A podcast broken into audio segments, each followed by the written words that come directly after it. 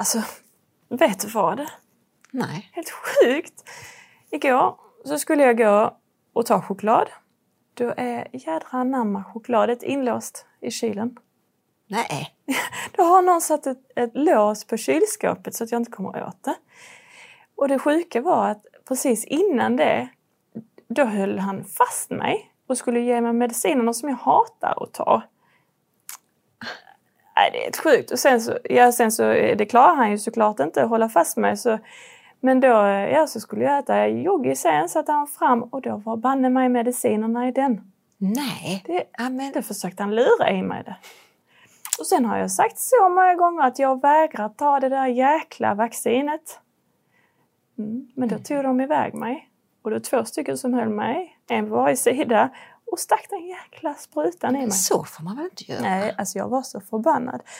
Ja, sen, när vi kom hem därifrån igen, då var jag, som sagt, jag var så arg. eh, Och jag tänkte, äh, nu måste jag ha mina cigg. Och jag, jag hittade inte, jag hittade inte ciggen. Alltså någon måste ju ha tagit tagit dem ifrån mig. Äh, då, var- då, vid det laget var jag så jäkla arg. Och jag skulle bara ut och springa. Bara så jag blev av med alla aggressioner liksom. Då ställer jag mig med dörren och kommer inte ut. För dörrjäkeln är låst. Amen. Nej. Så jag var liksom inlåst, eh, påtvingad det här jäkla vaccinet och medicinerna inte jag vill ha. Inte, alltså tro fasiken att jag var arg. Ja, det förstår jag.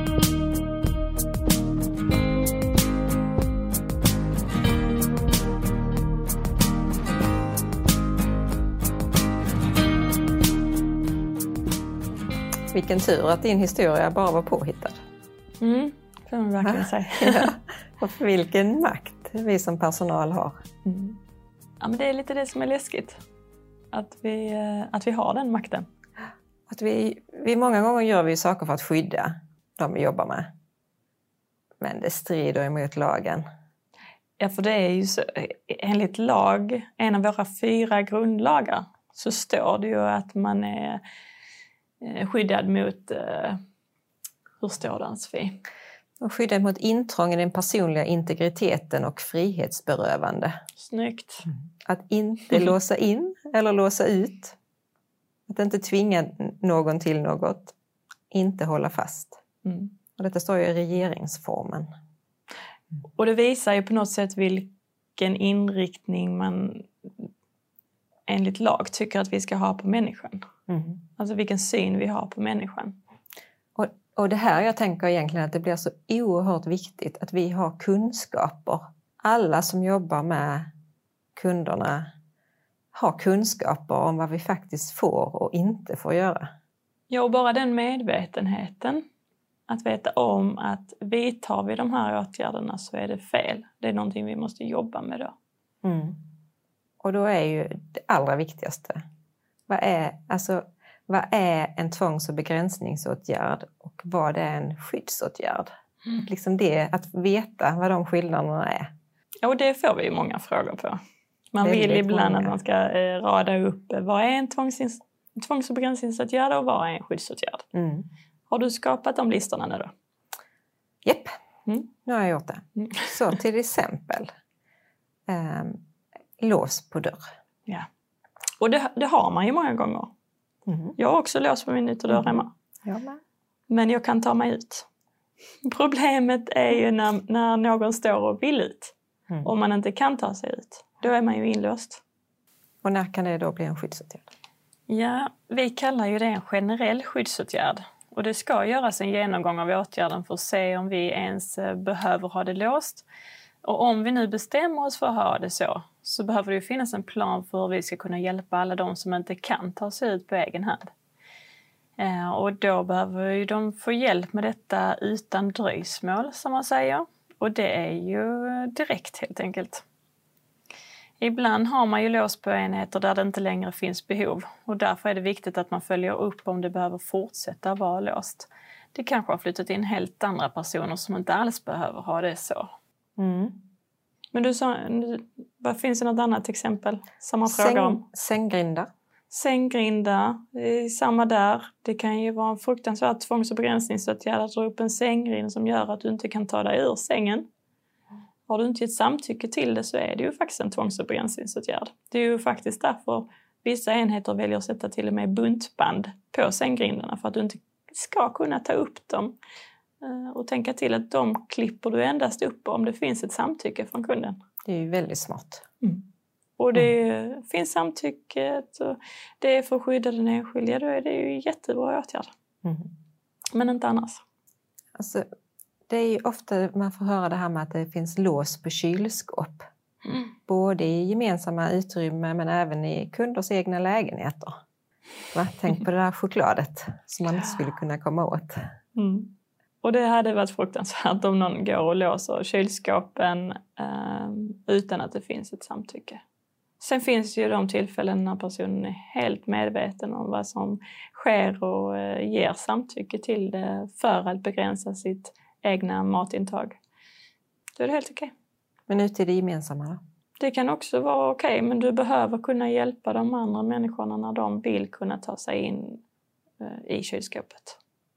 Så att man skyddar, man skyddar den det gäller och sen så eh, att de andra kunderna kan få ha den rörelsefrihet och åtkomst som, som de behöver. Finns det någon gång där det, all, alltså när det inte kan bli en skyddsåtgärd? Det jag tänker spontant på är nog när man håller fast. Mm. Att hålla fast någon har jag svårt att säga att det skulle kunna bli en skyddsåtgärd. Mm. Hålla fast för att tvinga någon att ge medicin till exempel. Mm. Det har kommit frågor nu under pandemin. Det här med att om man kan tvinga en kund att ta eh, de här eh, testerna. Mm. Och det kan man ju aldrig göra. Nej, precis. Och likadant kan man inte tvinga någon att vaccineras mot covid heller. Nej. Ja, det är lätt för oss att sitta här och säga vad man får och inte får göra. Vad man in, får och inte får göra. Mm. Det är det som är så fantastiskt med att vara SAS. Att vi kan säga eh, allt vi får göra och vad vi inte får göra. Allt, men jobbet däremellan är ju supersvårt. Mm. Precis. Mm. Och det är vi medvetna om. Verkligen.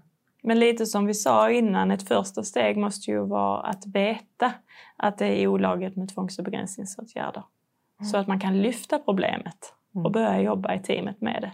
Hur ska vi göra för att ta reda på orsakerna till problemet och vilka åtgärder vi ska eh, vidta? Mm. Och, och egentligen för att liksom öka kunskaperna så har vi ju, dels finns ju rutinen som ligger i handboken, eh, rutinen för skyddsåtgärder att läsa och där finns ju en film som är kopplad, eller länkad rättare sagt.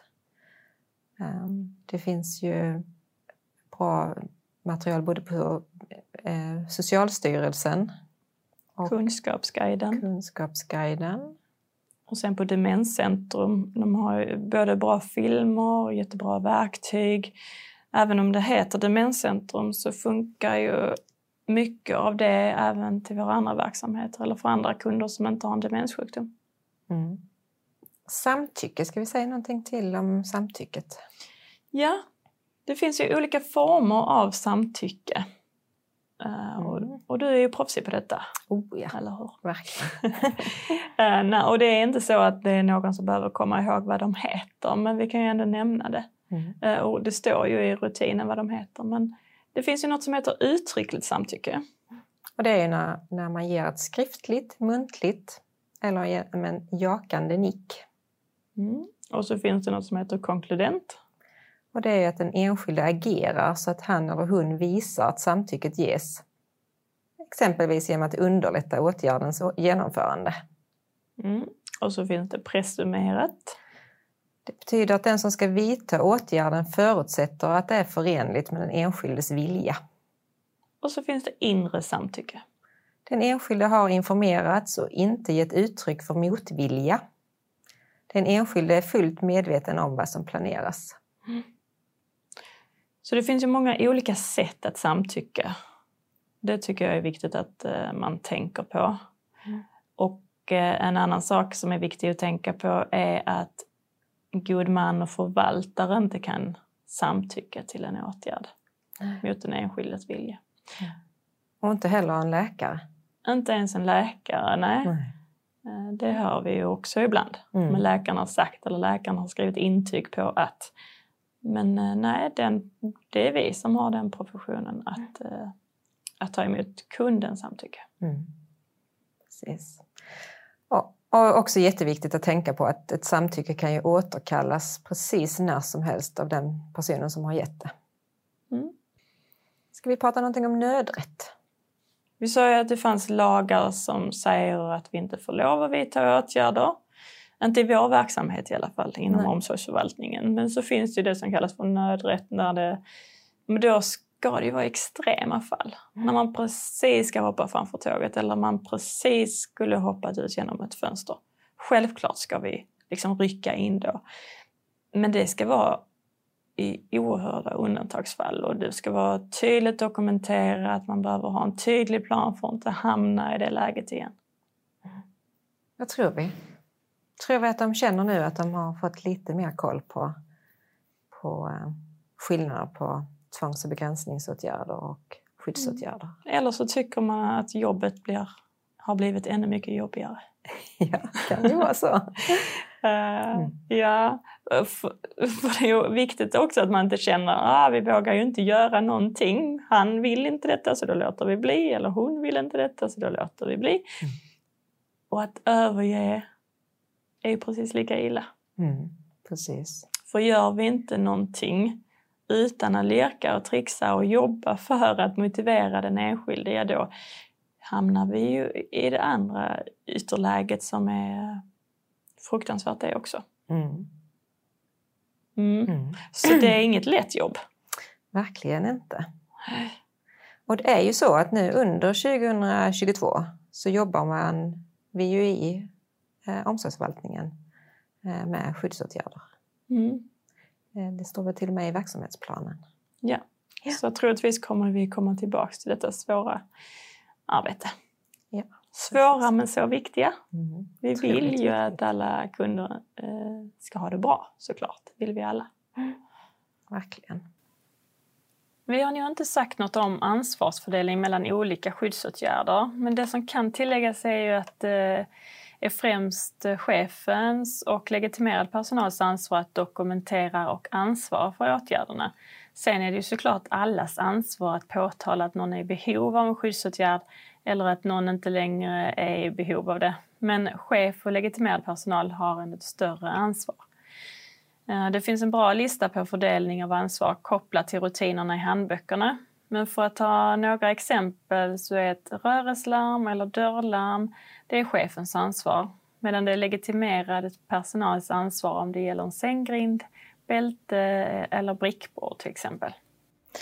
Eh, vi kommer att göra så att vi kommer att länka eh, till lite olika sidor och de lägger vi där ni hittar podden. Om ni vill läsa lite mer. Så, mm. Ska vi säga att detta var allt för idag? Det gör vi. Tack så mycket. Tack så mycket. Hej då!